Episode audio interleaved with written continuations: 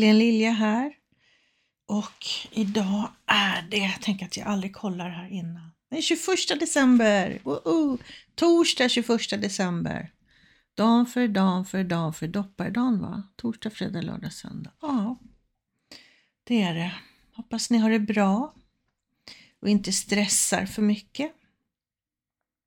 Jag är, just nu så upplever jag mig mer förvirrad än vanligt. Jag kan vara ganska förvirrad, men just nu är det extra förvirrat. Och jag vet inte om det är för att jag ska fixa mat till tre olika julbord. Vi ska fira jul imorgon hos min dotter för att min andra dotter med familj åker till Thailand på lördag. Och sen blir det branschjulbord hemma här med min tältgranne på julafton och sen så blir det hos svärföräldrarna på eftermiddagen på julafton. Och det skapar lite förvirring i mig. Ehm, och varför jag nämner det här är för att jag då var och handlade mat igår.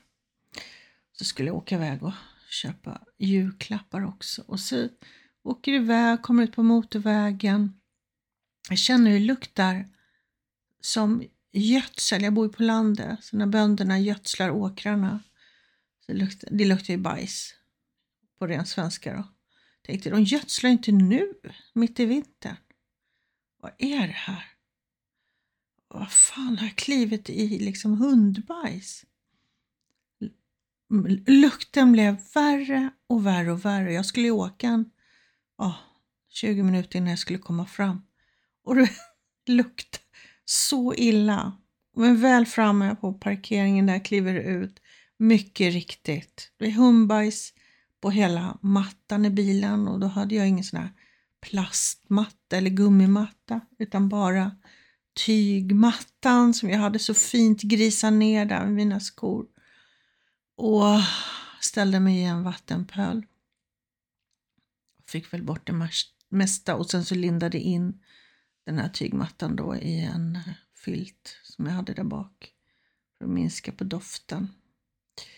Gick väl in och tänkte jag skulle vilja besöka en skoaffär men det fanns ingen där jag var.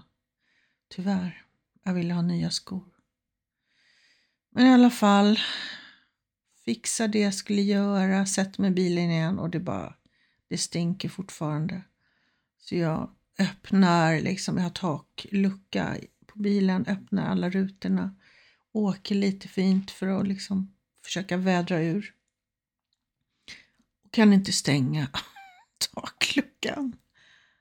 Han bara, den här dagen är fantastiskt bra. Eller väldigt operfekt. Eh, jag lyckades i alla fall stänga luckan efter många om och men.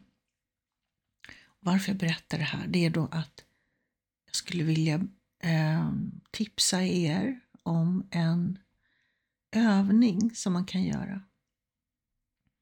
Jag har tipsat om den förut vet jag. Ehm, men jag vet inte om jag gjort det i den här julkalendern. Så jag gör det i alla fall. I sådana fall får det bli en dubblett helt enkelt. Och den här övningen, den liksom ställer in kompassen. Den här julkalendern handlar ju om välmående, att må så bra som möjligt, hitta verktyg, sätt eh, till att kunna leva, så att du kan leva ditt liv i sanning med vem den du genuint är, så att säga. Och då är det inifrån hjärtat och ut som man lever och inte ifrån egot. Och eh, ett sätt att liksom ställa in kompassen. Dit ska jag. Så här vill jag att mitt liv ska vara. Och det kan vara ganska bra att ha definierat det för sig själv. För de här dagarna kommer ju när vilsenheten, förvirringen, nedstämdheten, vad det nu är, när det infinner sig kan det vara ganska skönt att kunna connecta med okej, okay, dit ska jag. Jag ska inte må så här, jag ska inte alltid må så här. Jag är på väg dit liksom. Och när jag gick livscoachutbildningen så hette den Den perfekta dagen, den här, det här verktyget som jag ska tipsa om nu. Men nu är den lite annorlunda. Jag har hittat ett annat sätt som jag tycker funkar bättre idag. Det är ju nio år sedan va? jag gick, snart tio år sedan jag gick den utbildningen. Saker och ting händer, man utvecklas, jag har utvecklats. Och um, nu är det så att för den perfekta dagen innebar att du skulle skriva ner och du kanske vill göra det här, därför tipsar jag om det här. Det här kanske känns bättre för dig. Du skriver ner exakt hur den perfekta dagen är för dig och utan begränsningar. Det vill säga utan att eh, sätta tak. Allt är möjligt. Förstår ni? Magi. Allt är möjligt. Du kan bo var du vill och så vidare. Så då skriver du ner i detalj hur det känns när du vaknar, om du är ensam och hur rummet ser ut och vad du gör efter att ha gått upp och bla bla bla. Och också hur känslan är och beskriv miljön så detaljerat som möjligt. Så den kan man göra. Men man kan också skriva som ett brev från ditt framtida jag. Där du lever det här livet. Och du tackar dig själv för alla beslut och allt gjort som har tagit dig dit. Så det är så att säga ett tackbrev. Du inleder med att hej, jag vill tacka dig för att, eller jo, för att eh, jag lever mitt perfekta liv nu. Jag bor bla bla bla och vad det nu är för någonting. Och så fyller du med allt som du vill ha i ditt liv. Och hur du vill känna dig, hur du vill må. Vilka människor, vilka relationer har du? Vilken plats bor du på? Vad sysslar du med? Vad fyller du ditt liv med? Och hur känns det att leva det perfekta livet? Det som du drömmer om. Det som du sådär nästan inte tror är tillgängligt för dig. Fast att det är det, för i det här så är allt möjligt. Oavsett om du väljer att skriva som den perfekta dagen eller om du väljer att skriva ett brev från ditt framtida jag så är allt möjligt. Mm. Exakt. Om du vill bo på månen så är det möjligt för dig. Du skapar det här alldeles själv. Så hur vill du känna dig? Och jag vill inte att du ska boxa in det här, inte blanda in egot och det logiska så mycket så att du ska sätta ja, om tio år, om fem år. Skit i det, du behöver inte ha någon tid på det. Det är bara ditt framtida jag. När det nu är. Och så skriver du hur, hur din dag ser ut, hur ditt liv ser ut en perfekt dag.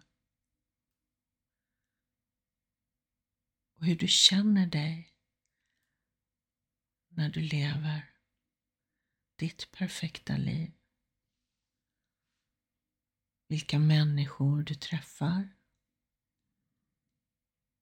Vad gör ni? Vad gör du? Och hur känns det?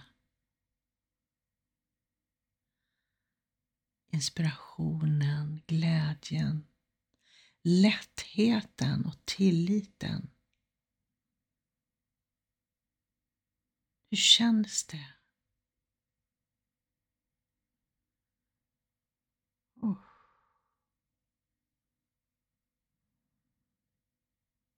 Om det här resonerar med dig så gör det.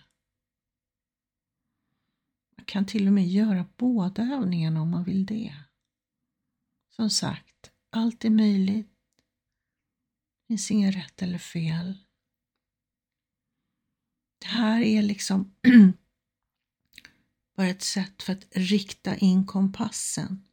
Hur vill jag känna mig? Hur vill jag må när jag mår sådär bra som jag vill må? Hur är det? Hur ser livet ut då? Och hur känns det? Och den här övningen, låt den ta tid. Sätt dig och skriv när du känner att orden kommer till dig och du har inspiration. Och så släpp det, så kan det få ligga där och verka lite, mogna lite och så skriver du lite mer. Det kan ta tid.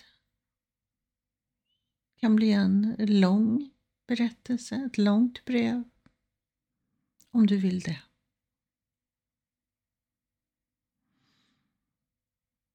Och tanken är ju sen då att du ska läsa det här.